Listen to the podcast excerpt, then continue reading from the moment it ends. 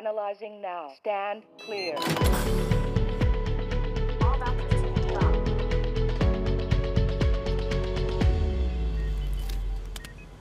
Goeiedag en welkom allemaal bij een nieuwe episode van onze Spoedcast. Het is niet alleen maar zomaar een nieuwe episode, het is de eerste episode van 2024.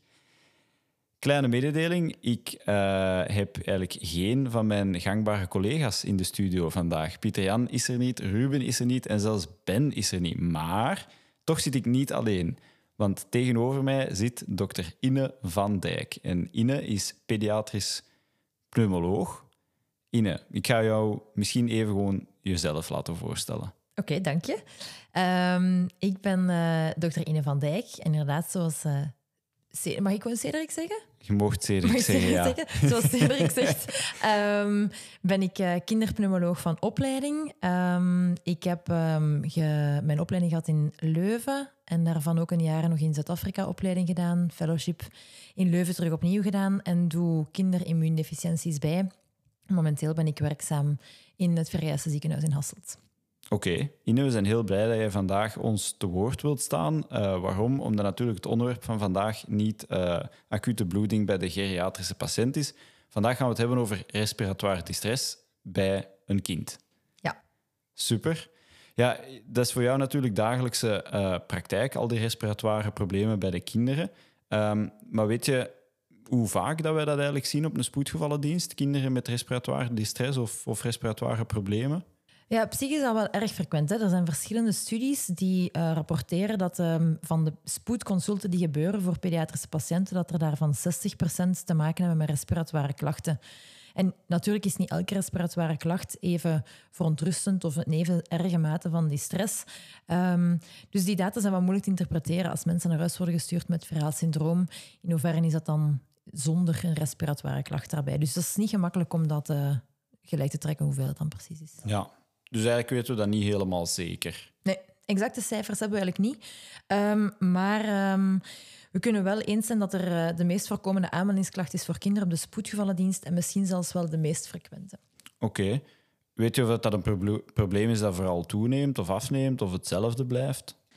Um, uh, wel, als we spreken over bijvoorbeeld astma in het algemeen, dan zien we dat die prevalentie van astma in de laatste drie decennia eigenlijk gezakt is in de, in de algemene populatie.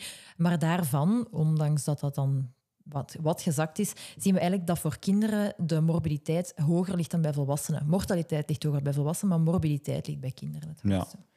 En moeten we verontrust zijn of, of zijn er ook verbeteringen in de behandeling in de laatste drie decennia? Nee, er is effectief wel wat vooruitgang. Vooral op volwassen vlak natuurlijk. En we hebben geluk dat er daar ook van therapieën doordruppelen naar de pediatrische populatie.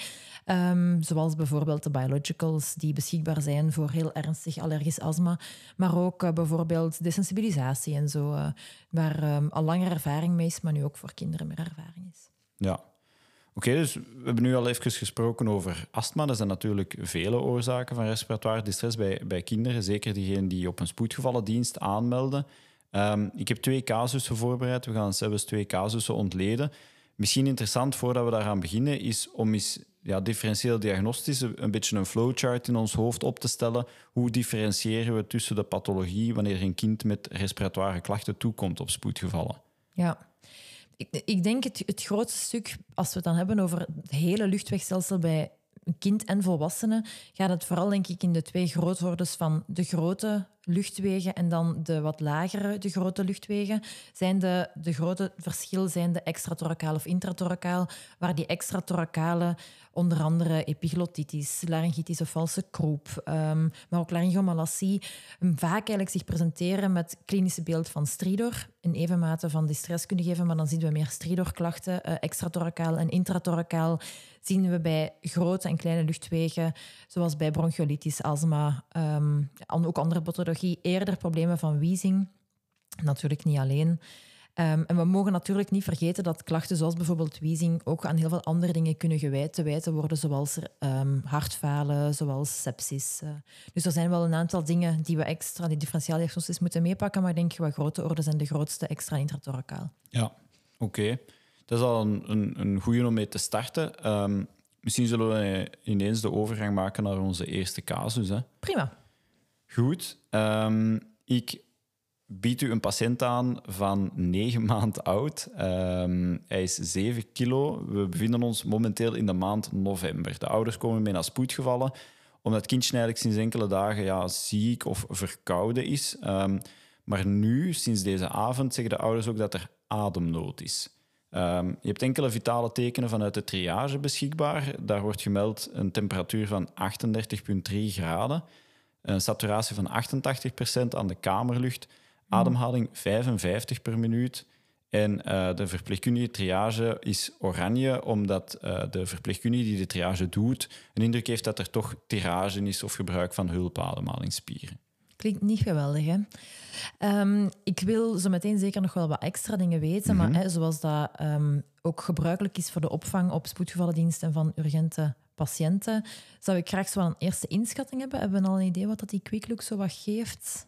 Uh, ja, toch een, een ziek kind in ademnood dat er niet zo goed uitziet. Uh, de saturatie was 88% in, uh, in de triage, dat zie je ook. Mm -hmm. Zo wat meer cyanotische indruk. Um, maar wel een vrije luchtweg, wel een kind dat nog responsief is. Oké, okay, de luchtweg is wel vrij. Ja. ja Oké, okay. dus we van een A gaan naar de B. Um, wat vinden we precies bij breathing, onder andere klinisch onderzoek? Ja, dus er is echt wel inderdaad gebruik van hulpademhalingsspieren. Er is neusvleugelen. Uh, de ademhaling is niet 55 per minuut, zoals in het triageverslag staat. Blijkt slechts 40 keer per minuut te zijn. Maar je hoort wel uh, bij auscultatie meteen wheezing als je goed uh, luistert, hoor je ook crepitaties links en rechts en ronchie.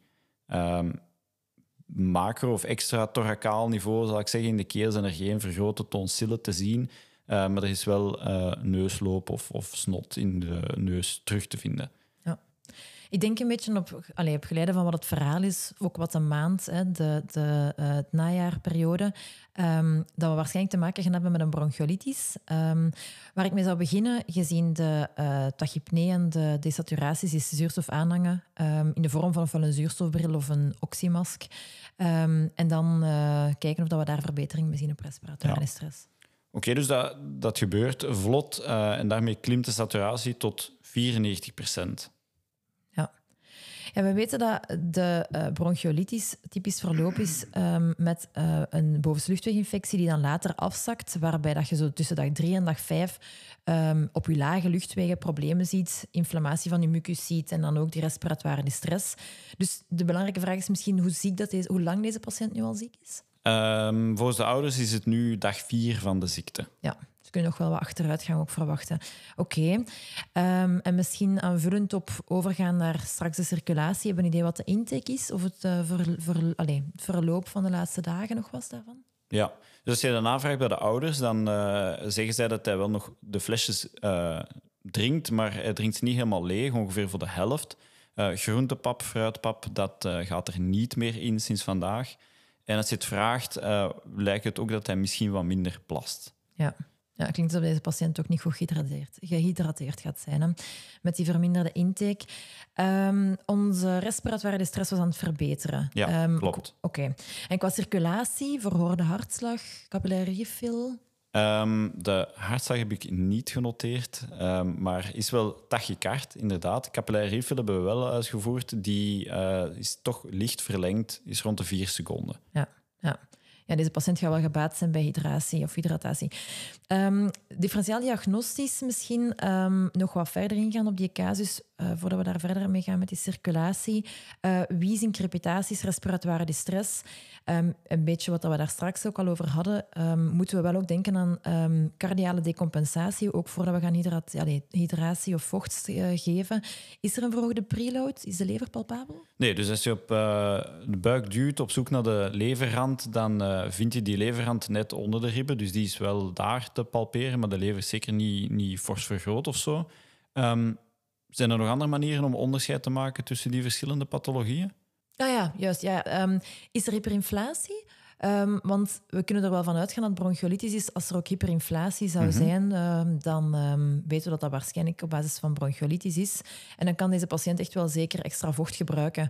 We weten dat het risico op onder andere SIAD hoog is bij patiënten, zeker ook pediatrische patiënten met ernstige respiratoire infecties, zoals bronchiolitis. Dus bij voorkeur wordt er gehydrateerd per sonde in plaats van IV en bij voorkeur drie vierde van het normale onderhoud. Ja. Nu, we weten, er is een heel eh, wetenschap achter het vochtbeleid bij kinderen. Dus ik heb al meteen een idee voor een episode volgend jaar misschien over vochtbeleid bij kindjes. Ehm, dus inderdaad, dat, dat is dan ook na te rekenen per kindje, per gewicht, eh, per leeftijd, per ziektetoestand, wat dan precies het onderhoudsvocht moet zijn. Ja. Dus ik onthoud drie vierde van het gemiddelde onderhoud. Ja. Ehm, je sprak ook over hyperinflatie. Dat is vooral iets dat wij spoedartsen kennen van de RX thorax bij de COPD-patiënt. Maar zijn er eigenlijk aanvullende onderzoeken die kunnen bijdragen om die diagnose van bronchiolitis te stellen?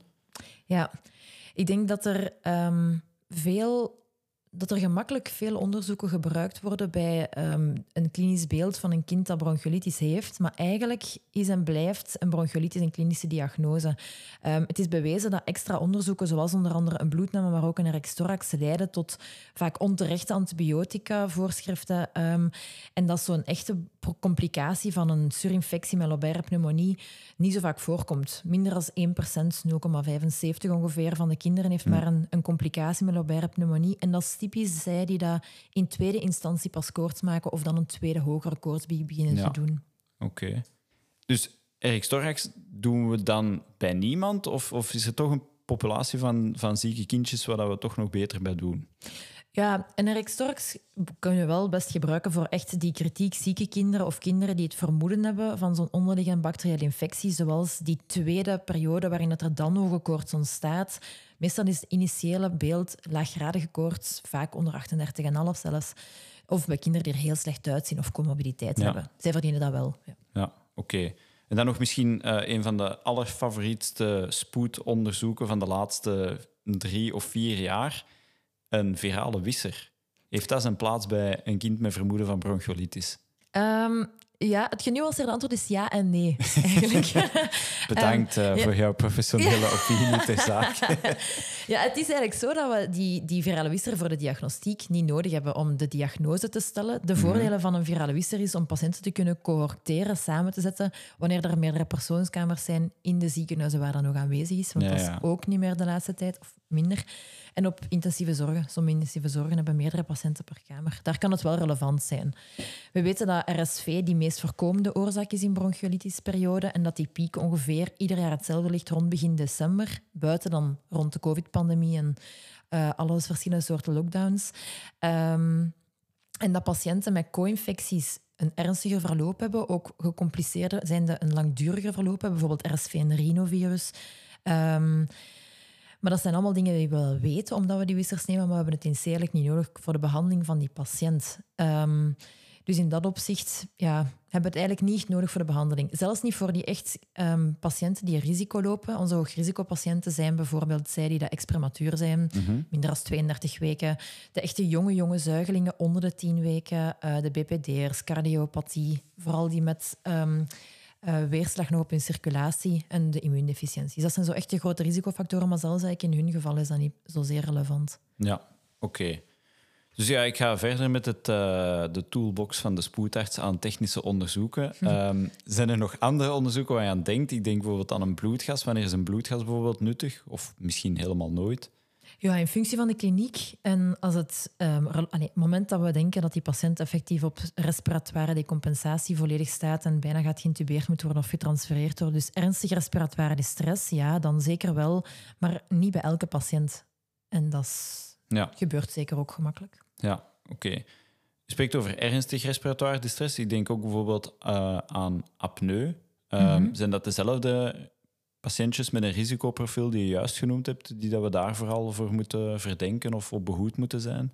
Ja, degenen die echt risico lopen op apnees zijn die ex-prematuren en die heel jonge kinderen. We weten wetens- uit wetenschap dat iedereen onder de tien weken heel veel risico heeft op een apnee en dat dan ook vaak als presenting symptom heeft. Ja. Ja, dat is natuurlijk voor ons eh, ja, een heel beangstigende oproep. Hè. Dus kindjes met wiegedood, dat zijn eigenlijk de apneus. Ehm, Dus daar zijn we natuurlijk altijd heel bezorgd over. Die willen we liever niet eh, onderschatten en eh, te snel naar het verdiep sturen of zeker niet naar huis. Ehm, goed, dus we hebben onze casus voor ons. Diagnostisch, denk ik, hebben we klinisch een duidelijk beeld. We zijn november, de kliniek is compatibel, we vermoeden een bronchiolitis. Ehm, ja, wat gaan we daar nu mee doen? Ja. Dus qua behandeling voor bronchiolitis zijn er heel veel dingen die ook al in het verleden gebruikt zijn geweest. Maar eigenlijk komt het altijd neer op supportieve therapie. Spijtig genoeg, voorlopig is dat het enige wat we voorlopig nog hebben. Ja. Zijn de, ehm, wat de, de neus vrijhouden, spoelen, ehm, op oppervlakkige aspiratie daarvan, de goede hydratietoestand bewaren, maar dan met oog of risico op een SIAD eh, niet te veel vocht geven, zuurstof en dan een opname voor monitoring. En dan is dat eigenlijk... ehm, er, er, er is in het verleden veel gesproken over type aerosols en hoe dat we die moeten gebruiken.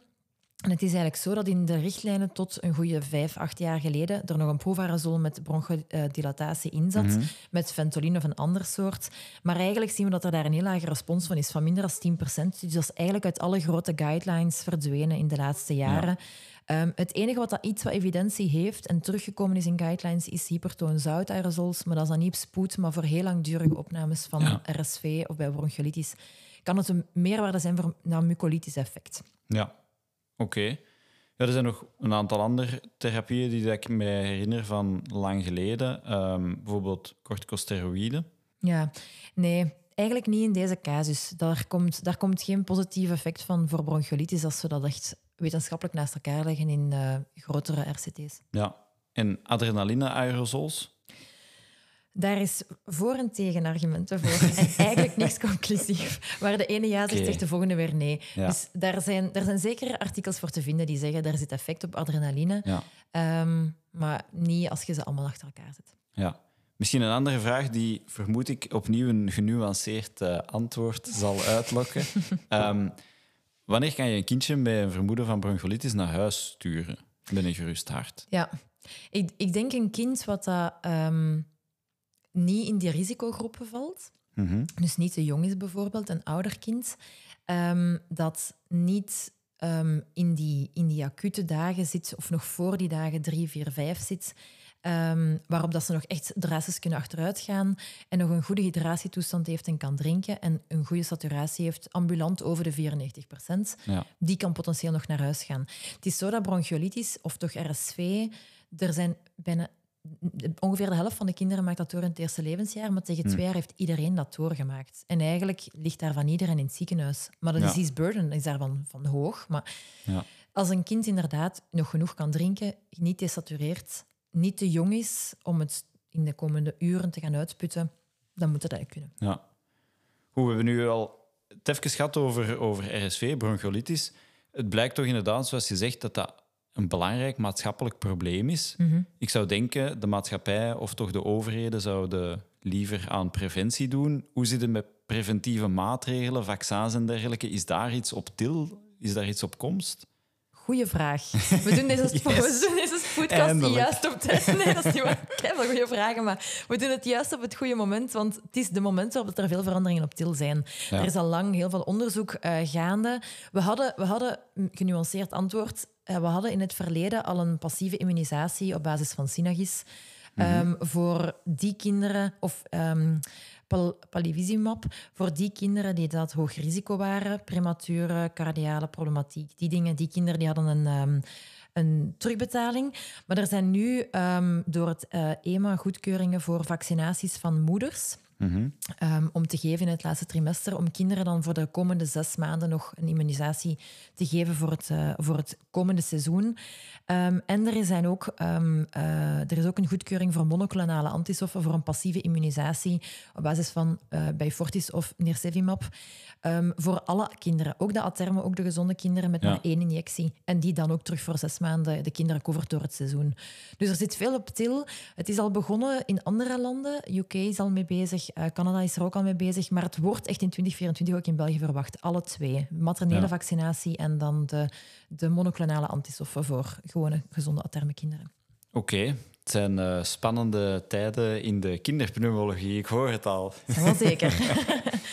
Goed, dus ehm, wat betreft bronchiolitis en RSV, misschien nog eens een aantal zaken samenvatten. Dus ik onthoud vooral, het is een klinische diagnose in de eerste plaats. Bepaalde diagnostiek is nuttig in geselecteerde gevallen. Ehm, en de behandeling is supportief. Ja, inderdaad, dat klopt. Oké, perfect.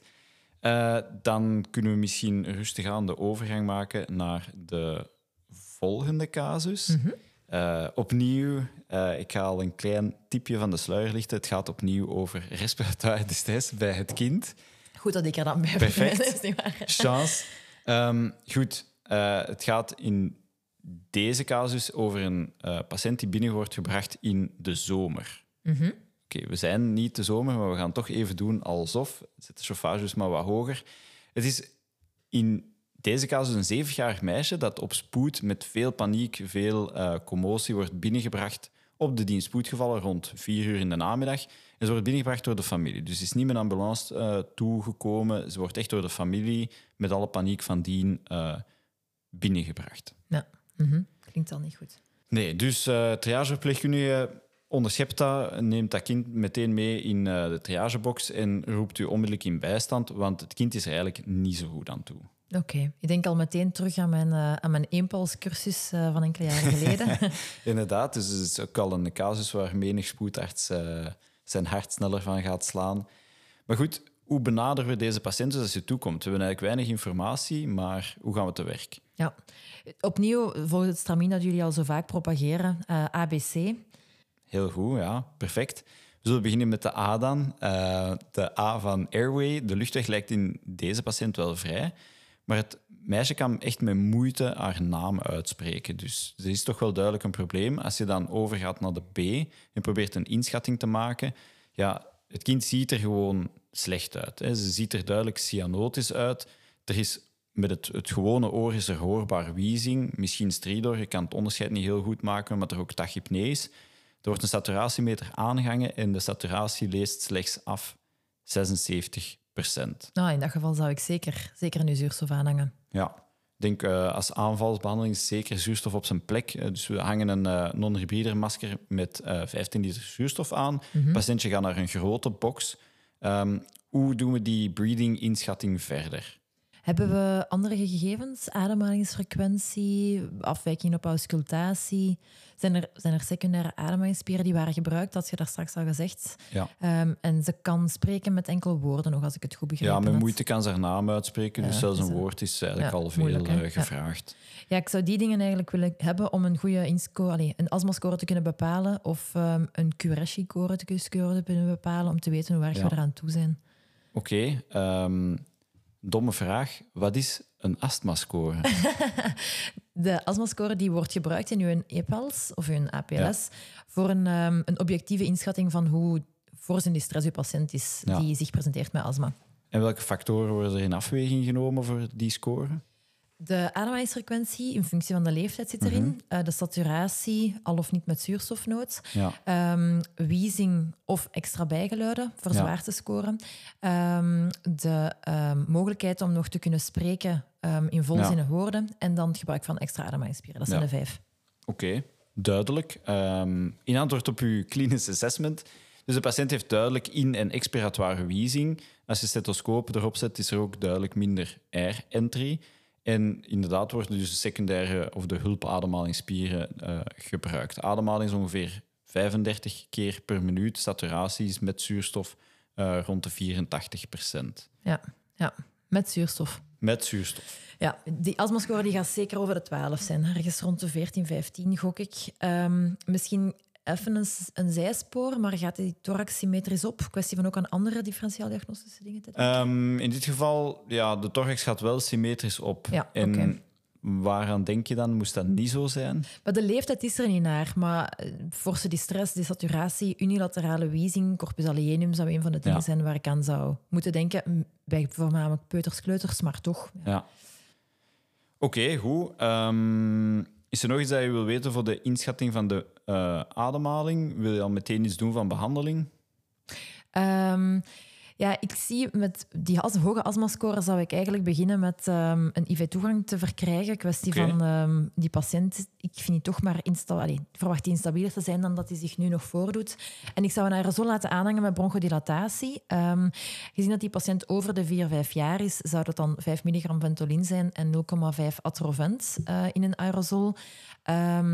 En gezien de ernst van deze astma-exacerbatie zou ik ook meteen prednisolon laten optrekken. Een goede 2 milligram, 1 à 2 milligram de kilogram met een max van 60.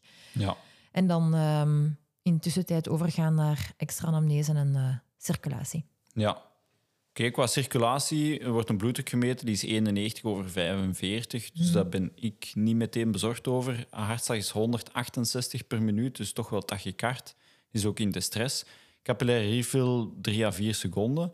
Ehm, en dan natuurlijk cyanotische extremiteiten, dat hadden we al eh, gezien. Temperatuur is normaal. Ehm, moet je daar iets doen per se aan de circulatie op dit moment? Is dat, dat is geen patiënt die je veel vocht gaat geven, denk ik. Nee, het is dat, hè. inderdaad. Moest het toch effectief niet opklaren, dan, ehm, dan zouden we dat nog kunnen overwegen. Maar ik zou niet meteen met veel vocht willen te werk gaan. Indien nodig, vullen met de laatste richtlijn het tiende kilo. Ja, oké, goed. Eh, je hebt gelukkig een collega bijgevraagd en die collega doet eh, wat nadere anamnese bij de ouders. Blijkt dat het kind eigenlijk was aan het spelen met andere kinderen op een eh, speelboerderij in de buurt van de spoedgevallen, tiental minuutjes rijden. En ze waren bezig op de hooizolder. Daar kwam ze eigenlijk hoestend en proestend naar buiten gelopen. En sindsdien ging het ademen eigenlijk progressief maar moeilijker, meer en meer hoorbaar gepiep. De ouders sloegen in paniek, wisten wel de spoedgevallen zijn en zijn dus meteen naar daar gereden. Ja. Kans is groot dat die astma-exacerbatie getriggerd zijn door ofwel een virale infectie ofwel toch een allergisch agent. Zo, hè? Ja. Ja, oké, goed. Differentieel diagnostisch, waar moeten we aan denken? Want we spreken over een astma-exacerbatie, maar ik hoor ook allergie. Ja, ik denk zo'n acuut ontstaan van wheezing is, ehm, is ehm, een potentiële presentatie ook van, van ehm, anafylaxie. Ja.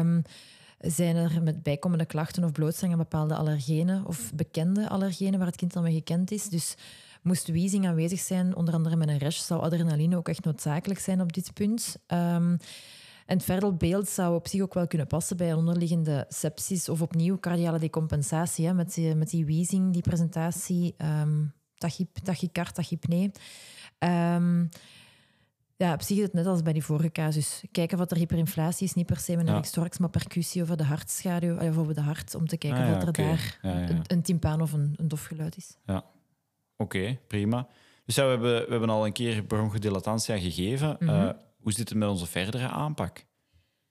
Ja, inschatting van wat het effect is in zekere zin. Ik verwacht met die eerste aerosol, met zo slecht als die binnenkomt, nog niet meteen zoveel effect. Dus wordt er eigenlijk aangeraden om drie aerosols te geven om de 20 minuten in het eerste uur, Ja. om zoveel mogelijk de luchtwegen open te zetten.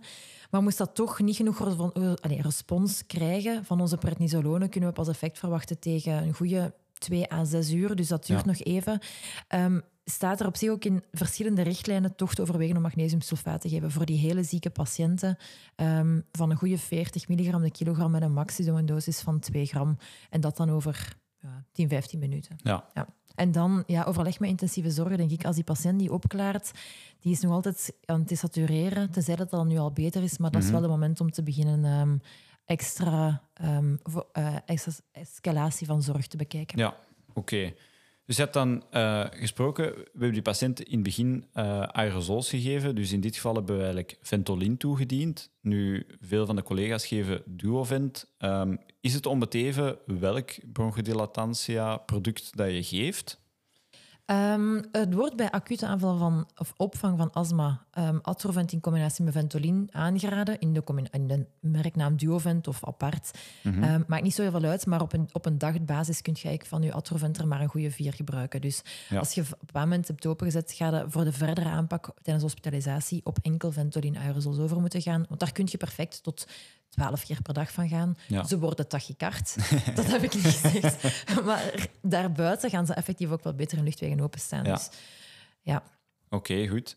Dus in dit geval, ehm, we geven magnesium, we geven meerdere aerosols. Eigenlijk is er weinig vooruitgang. Ja. We raken niet tot aan de 90% saturatie. Er blijft klinisch heel veel respiratoire distress aanwezig. Mhm. ja. Je hebt gezegd, betrek op tijd de collega's van intensieve zorgen. Mhm. Deze patiënt lijkt mij een kandidaat voor intubatie. ja. ja, ik denk het ook inderdaad. Ik denk inderdaad dat we hier maar gaan, gaan evalueren naar een situatie met intubatie en meer zorg, zoals bijvoorbeeld iets van Ventolin IV of anderen of zo op intensieve zorgen. Ja. Maar op die moment heb ik wel echt nog volk nodig met ervaren handen voor een, eh, een pediatrische luchtweg. Ja. Ehm, dus dan zou ik intern wel beginnen kijken naar collega's zoals mijn spoedarts en anesthesisten. Daar heb ik er gelukkig eentje van bij me zitten. Dus misschien... Voilà, ik eh, kan alweer mijn nut bewijzen. Prima, dus ja, voor deze patiënten ben ik helemaal akkoord. We hebben gelukkig al een IV-access, dus dat maakt voor ons eh, heel wat makkelijker. Natuurlijk, als we dat niet kunnen verkrijgen, lijkt me de logische stap om een intraosseus Ja. access te plaatsen. Ehm, als er hemodynamische weerslag is, hè, we willen natuurlijk bij respiratoire distress niet overvullen, maar lijkt het mij wel belangrijk om inderdaad 10, misschien zelfs 20 ml per kilo vochtbolus te geven om die hemodynamische weerslag te couperen. Noodmedicatie moet ook altijd bij de hand zijn als je intubatie gaat eh, overwegen.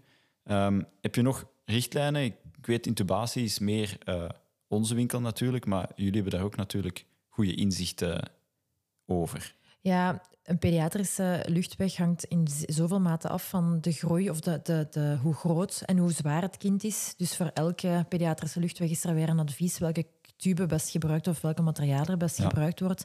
En hetzelfde gaat voor die medicatiedosissen, hè, alles op basis van gewicht.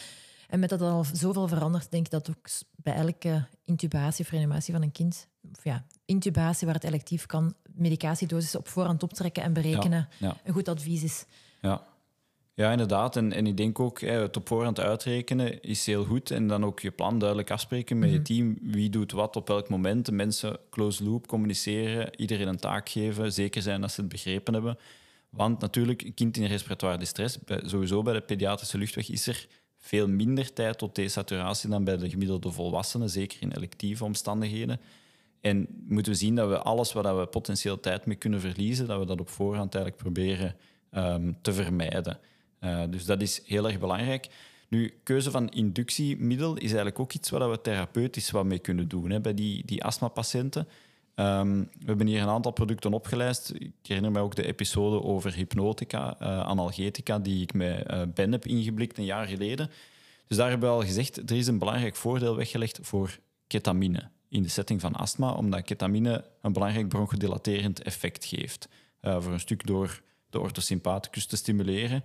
Er zijn producten waar dat, dat eh, tegenovergesteld voor is. Hè. Dus thiopental wordt heel weinig nog gebruikt, maar thiopental is zeer, zeer schadelijk ehm, voor eh bronchospasme te in- induceren of te eh, verergeren. Dan natuurlijk ook, als we een kindje in slaap doen, moeten we het kindje ook in slaap houden. Daarvoor hebben we op die een, een, aantal keuzes. Propofol is daarin neutraal. Ketamine zal gezondheidsvoordelen hebben. Wat we zeker niet mogen doen, is desflurane geven. Dat is een inhalatieanestheticum. Eh dat lijkt misschien ver van ons bed als spoedartsen. Maar ik meld dat vooral omdat we ook sevofluranen hebben, wat het meest courante uh, inhalatieanestheticum is in België.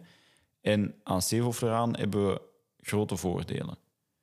Want sevofluraan heeft een direct bronchodilaterend effect. En dus bij uh, refractaire astma die na intubatie tijdens de periode van sedatiebeademing nog heel erg veel problemen geeft, kan het een optie zijn om een kind zelfs op een OK-ventilator te zetten met een sevoflurane verdamper en het kindje in slaap te houden met sevofluraan verdampt, omdat dat rechtstreeks een bronchodilaterend uh, effect heeft. Nog uh, misschien een klein puntje voor de neuromusculaire uh, blokkerende medicatie, dus de curaries. Er zijn een aantal curaries die histaminevrij geven, vooral alle analogen van uh, atracurium, dus ook cisatracurium in mindere mate.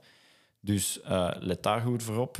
Rocuronum lijkt een betere keuze, maar met rocuronum heb je natuurlijk meer kans op allergie. En anafylaxie in mm -hmm. was daar juist al genoemd als ja. potentiële boosdoener. Dat was ook al aan het denken. Ja.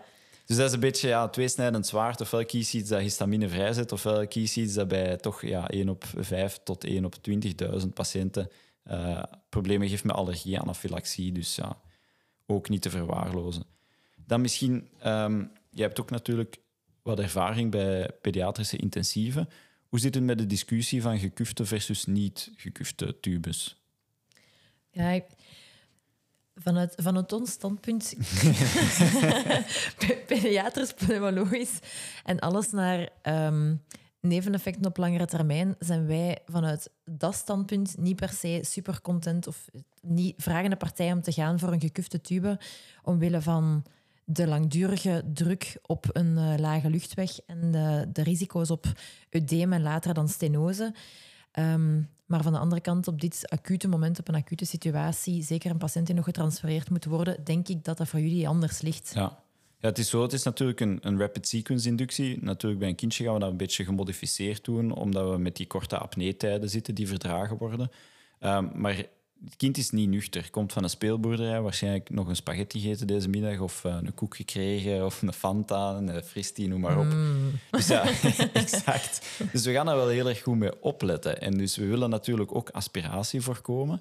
En als we een smalle, ongekufte tube kiezen en we zijn dan blij dat die in de luchtweg zit op de juiste plaats, ja, dan beschermt die misschien niet voldoende tegen aspiratie enerzijds. En anderzijds gaan we misschien een probleem hebben van lekkage op de ventilator.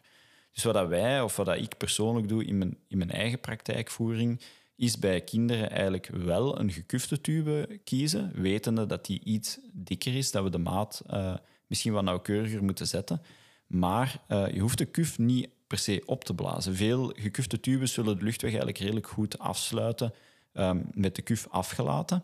De kuf die afgelaten is, is een soort ja, plastieke vlies dat een beetje beter de seal maakt met die nauwere pediatrische luchtweg. Dus voor mij is dat eigenlijk wel de, de, de eerste keus in de RSI-setting op spoedgevallen bij een kind. Um, maar je ziet dus ook op lange termijn zijn er wel duidelijk problemen mee. Want je ziet af en toe wel eens een kind met tracheomalassie of, of of, of ja, tracheastenose of, ja, of uh, hoge stenoses op basis van intubatie en langdurige intubatie. Ja. Problematische, traumatische intubatie, die twee jaar inderdaad. Ja. Dus uh, opnieuw, ja, we zullen toch heel voorzichtig moeten zijn uh, met intubatie. Tube de juiste maat kiezen, niet te dik. En ja, liefst, voor ons liefst gekuft in de setting van de RSI, maar weet dan dat je je maat goed moet kiezen om problemen met later met stenose um, te voorkomen. En ervaren handen. En ervaren handen kan ik niet genoeg benadrukken. Gelukkig zijn we een heel ploeg ter plaatse om de beste zorg te leveren voor onze patiënt. Goed, misschien hier nog eens een paar punten samenvatten voor astma? Um, ik denk voor de aanpak van astma blijft net zoals bij elke urgentie, of urgentie, pediatrisch niet of niet pediatrisch, de aanpak van uw ABC, um, waar dat, uh, de grootste problematiek hier op de breeding zit. Um, ja. Ehm, Dosissen, ook voor aerosols, zijn leeftijd op gewicht verschillend, maar de grote afkapwaarde is 4, 5 jaar en dat kunnen we wel gebruiken. Uh, openzetten met bronchodilatatie, Ventolin en Atrovent. Um, laagdrempelig prednisolone bijstarten um, en indien nodig um, overschakelen naar extra medicatie en ja. laagdrempelig volk inschakelen en overgaan naar intensieve zorgen. Ja, ik bedenk mij ook nog een, een, aantal andere therapieën voor astma, die vooral misschien in de chronische setting nuttig zijn, zoals leukotriene-receptorblokkers, theofiline, mm -hmm. uh, corticoïden. Mm -hmm. Hebben zij een rol bij de acute opvang van een kind, zoals we juist beschreven hebben? Eigenlijk niet. Eigenlijk zit dat niet meteen in alle guidelines of uw APLS, EPLS-guidelines om die te ja. gebruiken. Langdurig ja, een patiënt die op onderhoudstherapie niet genomen heeft, op die manier terug opstarten in de relatief acute ja. setting. Ja, maar niet meteen op die moment. Nee er zijn wel heel wat dingen nog veranderd um, in die aanpak op, op langere chronische therapie. En de mogelijkheden daarvan ook. Ja. Um, maar uh, hele therapieschema's, ze veranderen bijna elk jaar. Maar de acute aanpak blijft dezelfde. En dat is maar goed ook. Dat kunnen we het zo goed mogelijk wel allemaal blijven aanpakken. Oké, okay, perfect. Dus ze veranderen bijna elk jaar. Dan stel ik voor dat we een terugkerende afspraak inplannen voor de eerste episode van het jaar. Nee, prima. Um, dat is min of meer wat ik vandaag allemaal aan jou wou vragen. Uh, er is nog heel veel meer te bespreken natuurlijk, maar uh, dat zou ons misschien te ver brengen. Uh, Ine, ik wil je heel erg bedanken voor de tijd die je voor ons gemaakt hebt. Graag gedaan. Om je kennis met ons te delen. Ja, ik ben heel blij om de eerste pediatrische spoedpot. ik heb er lang naar uitgekeken. Dus ja. um, ik heb aan uh, C's en mouw getrokken om te mogen een keer een pediatrische urgentie. Dus ik kijk uit naar andere pediatrische urgenties in de toekomst. Ja, perfect. We moeten misschien een terugkerend thema jaar na jaar van maken. Um, ik mag dan ook uh, noteren dat jij bereid bent om alle juiste zaken bij ons toe te lichten. Absoluut, absoluut. Oké. Okay.